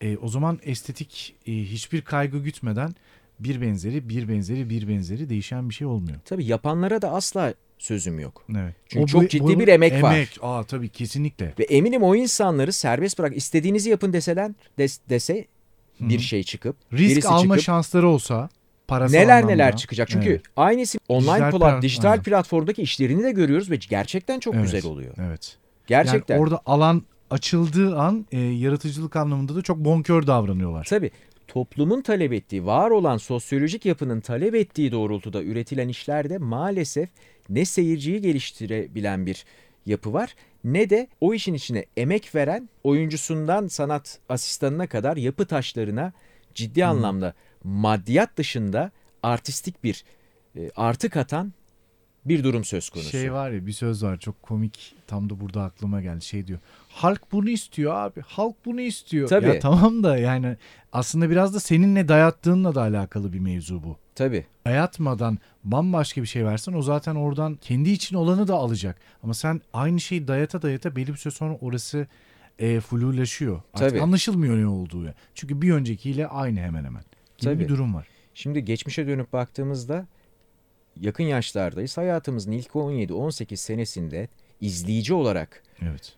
konumlandığımız, önceliğimizi izleyici olarak yaşadığımız bu mecrada o süreçte biz Süper Baba gibi, bizimkiler gibi, İkinci Bahar gibi, Evet. Çemberimde Gül Oya, Yeditepe İstanbul saymakla bitmez. Aynen. Hadi ekmek teknesini de katalım. Sempatik Tabii, tabii, bir dizi tabii. olduğunu Evet, görüyoruz. Evet. Şimdiye bakınca. Kurtlar Vadisi'nin o ilk sezonu tam bir şey. Siyasi polisiye bir drama. Evet. Neler var? Ne şeyler var? İroniler, alt metinler var işin içinde. Biz çok nitelikli işler izledik. Çok yüreğimize dokunan işler izledik. Samimi işler istedik. Gerçek işler izledik bence. Tabii. Ve bizim ilk yetişkinlik çağından itibaren maalesef aynı işler gelemedi. Çünkü toplumla alakalı olabilir ya da dünyada sistem böyle ilerliyor, bizdeki uzantısı böyle tezahür ediyor olabilir. Maalesef o dönemdeki işlerin içtenliğini yaratabilecek, sağlayabilecek, o şekilde sonraki kuşaklara da bir şekilde aktarılabilecek işler maalesef çıkamadı. Dediğim gibi bak çok büyük emek var Evet. ama o işleri o insanların inisiyatifine bırakılsaydı belki çok başka şeyler çıkacaktı. beğenmediğimiz ya da doğru yapılmadığına inandığımız herhangi bir işi bile şu anlamda çok kıymetli buluyorum. Bir film olabilir, dizi olabilir. Çok ciddi bir organizasyon toplanıyor. Çok ciddi bir emek var. İşte kamera grubu geliyor, yönetmen grubu. Belki de atıyorum bazı kaliteli işler 6 ayda hazırlanıyor. Belki o 2 ayda hazırlanıyor ama sonuçta harekete geçmiş. Yani lafla değil birilerine ben şunu yapacağım bunu yapacağım dememiş ayağa kalkmış kötü olabilir. Çok kötü de olabilir. Ama kalkmış ve bir şekilde harekete geçip o filmi çekmiş. Belki bugün çok kötü yaptı. Belki de 5 sene sonra çok daha iyisini yapacak. Tabii. Eleştirel anlamda kapalı bir toplumuz. Evet. Çünkü bugün biz bizim ağzımızdan çıkan aslında hani daha iyisini istediğimiz için çıkan bir eleştirellik var. Evet. Aslında bunun geri planında hiç nasıl diyeyim negatif bir tutum yok. Sende de bunu seziyorum. Kendimde de samimi olarak hı. ifade edersem durum bu. Bizim isteğimiz var olan çıtanın daha da yükselmesi. Hatta kötü olsa da daha çok deneme yapılması. Evet. Tutmasa da daha risk alınıp daha çok deneme yapılması. Böyle böyle bir şeyler ilerler. Evet. Çünkü orada başka bir doğru buluyorsun. Yanlışın içinde de yaptığın bir doğru oluyor ve o doğru seni az önce işte anlattın ya. Bir görüşmeye gidiyorum oradan başka bir şey çıkıyor diyorsun. İşte Tabii. da- dağcılıkla alakalı fotoğrafımı çekti diyorsun. Belki de çekerken bir film çekerken yapacağın herhangi bir doğru seni bambaşka projede bambaşka bir şeye götürecek. O yüzden denemekten vazgeçmemek lazım. Kötü bile olsa. Ben hep böyle şöyle bakıyorum İlter. Bir şey denemeden önce olumsuz sonuçlanıp sonuçlanmayacağını henüz bilmiyorsun. Zaten olumsuz cepte denemediğin için. Yani hayır cepte zaten. Ama denersen evet olabilir. Belki olumlu olabilir. %50 şansımız var gibi düşünüyorum. Ama hiç denemediğinde o da yok. Tabii. Biraz orada o deneyebilme cesaretine sahip olmak lazım galiba. O bazısı o itkisi içindedir. Kendi kendine gider. Bazısında itmen gerekir. Bu- arkadaşlar ne yapsalardı o itkiyi kendi içlerinde birinin tekmesine, itmesine ihtiyaç duymadan kendi kendilerine kalkıp cesaretlenip e, bu işe koyulsalar, deneseler. Ne yapmaları lazım sence? her zaman bol alternatifli bir yani kendilerine geniş bir bakış açısıyla yola çıkmaları lazım. Geniş bir bakış açı- açısı edinerek yola çıkmaları lazım. Yani evet oyuncu olmak istiyorum ama her zaman oyunculuk yapamayabilirim. Sektör buna el vermeyebilir. Hayat buna el vermeyebilir. Çünkü yarın başımıza ne geleceği belli değil. Evet. Bu düsturla yola çıkmaları gerekiyor. Oyunculuk her zaman mer- merkezde olması gerekiyor. Kabul, tamam. Bu, bu konuda hiçbir şey demiyorum. Ama oyunculuğun yanı sıra oyunculukla uzantılı olan ya da gerçekten güçlü bir yaşam deneyimi katacak başka başka işleri de networklerinde tutmaları gerekiyor. Örneğin hani bir yandan oyunculuğa koştururken bir yandan sosyal medyada bir şeyler yapabilir. Farklı sosyal medya oluşumların içerisinde ona para ve itibar kazandıracak farklı farklı denemelerde bulunabilir. İnanılmaz derece, derecede amiyane tabirle iş görecek sosyal medya platformları var artık. Yine oyunculuk anlamında, hayat standartı anlamında kendini geliştirecek, oyunculuk yeteneğini de geliştirecek işler bulabilir. Yani turist rehberliği buna örnektir. Hı hı. Yani bir kurumda yarı zamanlı halkla ilişkiler gibi bir Hı hı. bol konuşmanın ve kendini ifade, kişileri manipüle etme durumunun ön planda olduğu işler de yapılabilir. Ama bu işlerin hepsinin tek bir amacı vardır. Oyuncu olarak kişiyi daha iyi noktaya hem maddi hem manevi hem de süreci olarak. Yani yedek işler. Çünkü bugün hepimiz biliyoruz pandemiden önceydi diye ekleyeyim. Hı hı. Pandemi hayatımızın acı gerçeği. New York'taki garsonların %80'i oyuncudur. Evet. Los Angeles'taki de. Garsonun hem gelirsi, ge- şey, getirisi iyidir Hı hı. hem de çok ciddi. Oradaki garsonluk farklıdır. Sunumu, insanlarla ilişkisi, o insanı ikna etmesi. Ben ondan daha çok şeye, şeye takılıyorum burada. Bu işi yapabilmeye devam etmek için garsonluk yapıyor o süreçte. Evet. Atıyorum. Yani belki bambaşka bir iş sahibiydi. E, idealistlikten bahsediyorum. garsonluğu küçümsemiyorum. Tabii, lütfen, tabii. Lütfen dinleyenler yanlış anlamasınlar. Buradaki detay şu. Belki de orada bir pilot olmuş atıyorum ya da bambaşka bir şey. Belki de hiçbir mesleği yok. O da olabilir. Önemli olan e, onu yapabilecek hem o işi hayatını kazanıp hem de oyunculuğa devam edebilecek çıkış yolu olarak o an garsonluktan bulmuş. Onu yapmaya devam ediyor. Belki kağıt toplayacaktı. Onu yapacaktı. Mesleğin aslında burada ne olduğu önemli değil. İkisini bir arada götürebileceği şey neyse ona yönelip bir şekilde çözmüş olması bence ee, burada takdir edilisi olan kısım. Çünkü diğer türlü devam edemiyorsunuz. Tabii ki Stella Adler çok güzel bir söz söylemiş. Kitabında da aktörlük sanatı kitabını da buradan önereyim. Oyunculuğun yanı sıra size başka şekilde de getiri sağlayabilecek bir iş üzerine de yoğunlaşın ve uzmanlaşın. Bu size her şeyden öte hayat deneyimi olarak da çok şey katar. Çok güzel bir laf ve buradan hareketle Evet. Kevin Costner'ın da bir dönem oyunculuktan iş bulamayıp tır şoförlüğü yaptığını söyleyeyim. Aslında insanlara şunu hissettirmemeli. Bir dakika ben oyuncu olamıyorum galiba. O zaman gideyim tır şoförü yapıyorum gibi değil. Bir süre hayat ona öyle bir yol çizmiş. Hı hı. Tır şoförlüğü yapıyor ama sonra yine devam et. Vazgeçmiyor. Önemli olan nokta bu bence. Onu yapabilmeye devam etmek için tır şoförlüğü yapıyor. Tabii ki zaten olayı bir meslek olarak görmekten ziyade olayı tutkusal bir boyutta değerlendirmek ve hayata böyle entegre etmek zafere giden yolda çekilen çileyi kutsal kılıyor. Evet. Biz genelde e, hani acısını çekmeden hemen tatlı kısmını yiyelim istiyoruz. Tabii ki öyle. Öyle hazırcılıktan kaynaklanıyor biraz. Peki İlter şu sıralar neler yapıyorsun? Kas direktörlüğünü yaptığım işler var dedin. Hı hı. Oynamak üzere olduğun işler var mı? Kısa soluklu bir dizi projemiz olacak. Hı hı. Muhtemelen yazın ya da sonbahar, yaz sonu sonbahar başı gibi yayına girer diye düşünüyorum. Onun dışında iki tane biri kısa film, biri belgesel kas direktörlüğünü aldığım bir iş var. Bir üçüncü de gelebilir ama emin değiliz pandemi süreci ne olur ne olmaz. Bir podcast serisi var tasarladığım hatta senden de fikir aldığım. İnşallah. Ne zaman başlıyorsun? Biraz daha şu öncelik olarak saydım bir okuma sana bahsettim ya Evet. bir her şeyi bir baştan geçiriyorum şu sıra. Çok farklı tezahür ediyor zihnimde ve şey eğitim verirken oyunculuk yaparken bazı okumalar ve bazı organize et- etmem gereken sosyal medya duru şeyleri var. Nasıl diyeyim? Durumları. Hı hı, hı hı. Onlardan sonra podcast serisi işine de başlayacağım. Hatta 2-3 podcast serisi var ve senden yine fikir alacağım. Bir yandan eğitmenlik devam ediyor. Eğitmenliği farklı kulvarlarda, farklı formatlarda artık şekillendirme, eğitmen network'ümü düşünüyorum. Çünkü inanılmaz şeyler çıkmış. Ademi gibi bir platform çıkmış. Instagram'ın bambaşka bir hani İlter Kapıcı Stüdyo hesabından Hı hı. görüyorsundur Evet, evet, paylaşımları. evet, ediyorum. Orada çok başka bir ortaya çıkmış. Hı hı, Ürün satma hı hı. durumları oluyor artık.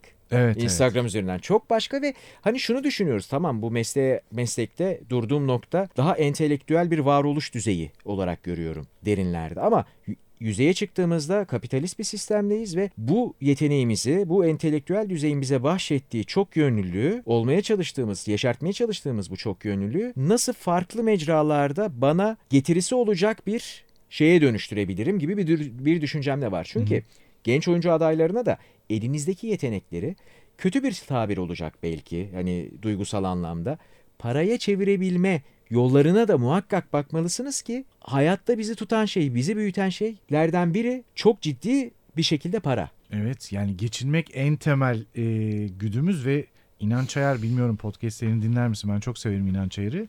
E, yeteneklerimi nasıl gelire dönüştürürüm diye kaydettiği 200 bölüm falan var yani. Değil mi? Harika. Evet hani tavsiye ederim bu arada dinleyenlere de sana da. Tabii dinleyeceğim. Ee, ben de yaptım bunu bu hatayı. E, oyunculuk, oyunculuk, oyunculuk ama e, böyle e, kollarını açıp hoş geldiniz İlter Bey, Sefa Bey işte tüm İstanbul oyunculuk camiası da ikinizi bekliyordu diyen bir kitle yok burada. Sen kendin çabalamadığın sürece, sen kendin kovalamadığın sürece de bir şeylerle dönüştüremiyorsun aslında. Tabii. Hep bir yavan kalıyor. Kovalıyor olman lazım ve bu bu işin e, normal rutini.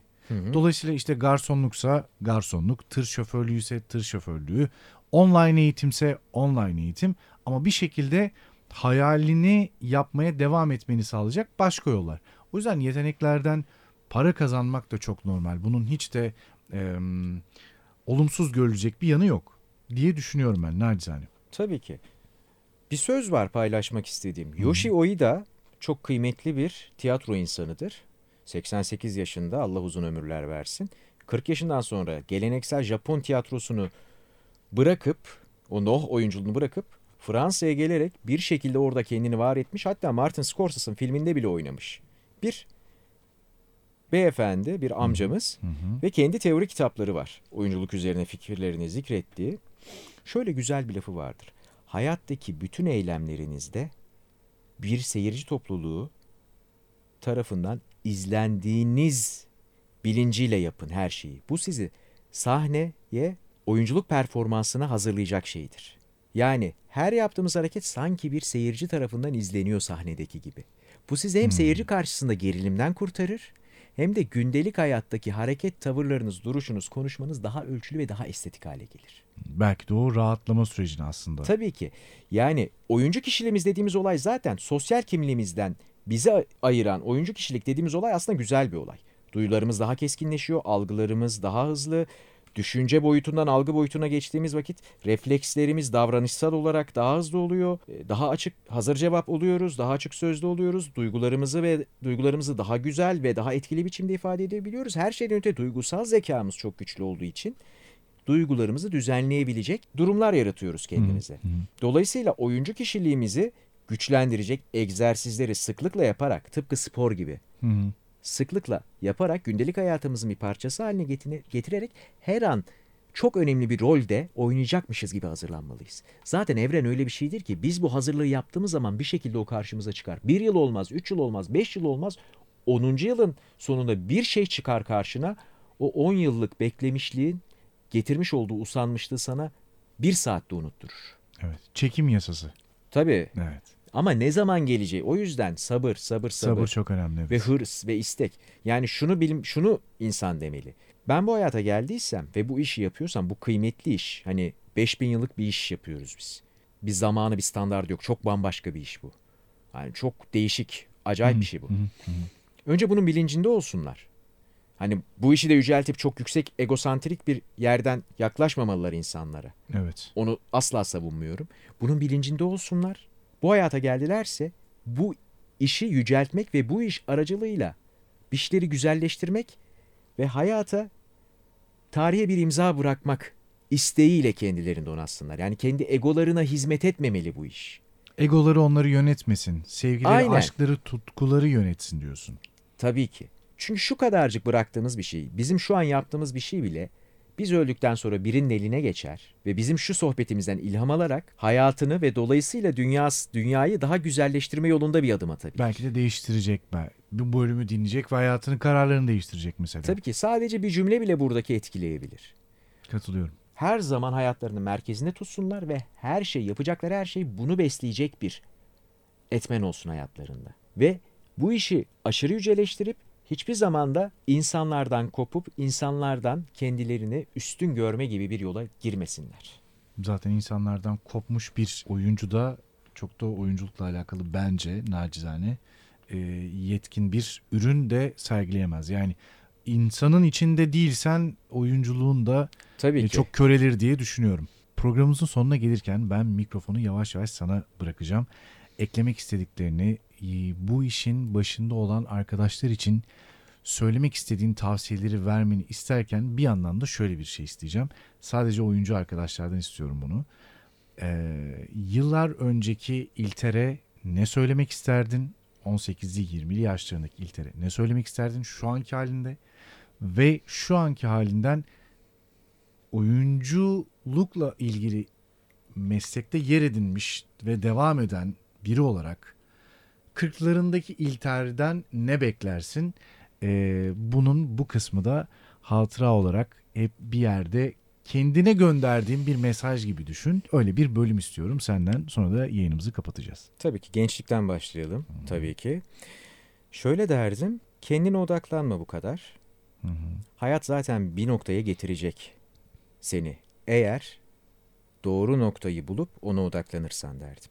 Ve doğru noktada belli. O kadar sabırsız davranma mı? Tabii o Derdin kadar kendine. sabırsız davranma.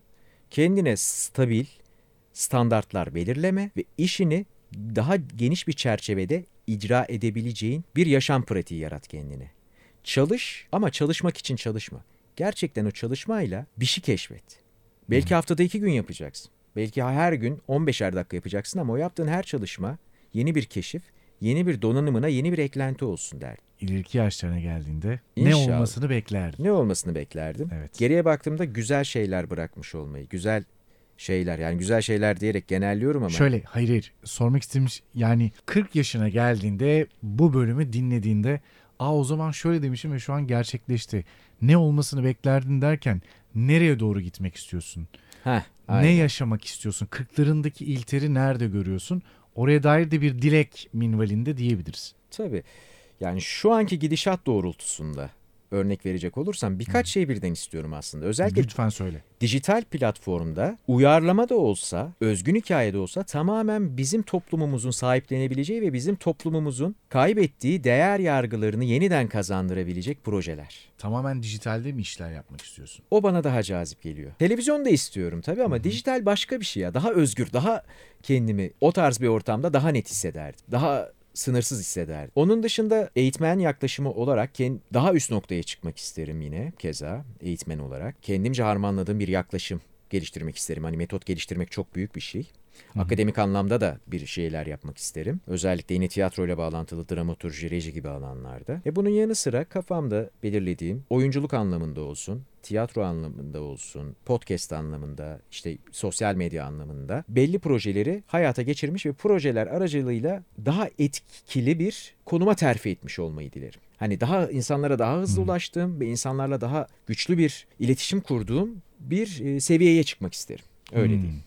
Daha çok değişim dönüşüm noktasında bir lider, bir mentor gibi mi? Tabii. Hmm, Yani anladım. örnek aldığım kişilerde de zaten ben bu şeyi görüyorum. Bu tarz insanları örnek alıyorum. Hani Michael Chekhov olur. Çok büyük yerlerden örnek veriyorum ama işte Türkiye'de sevgili Çetin Sarıkartal Hoca olur. Yine İpek Bilgin olur.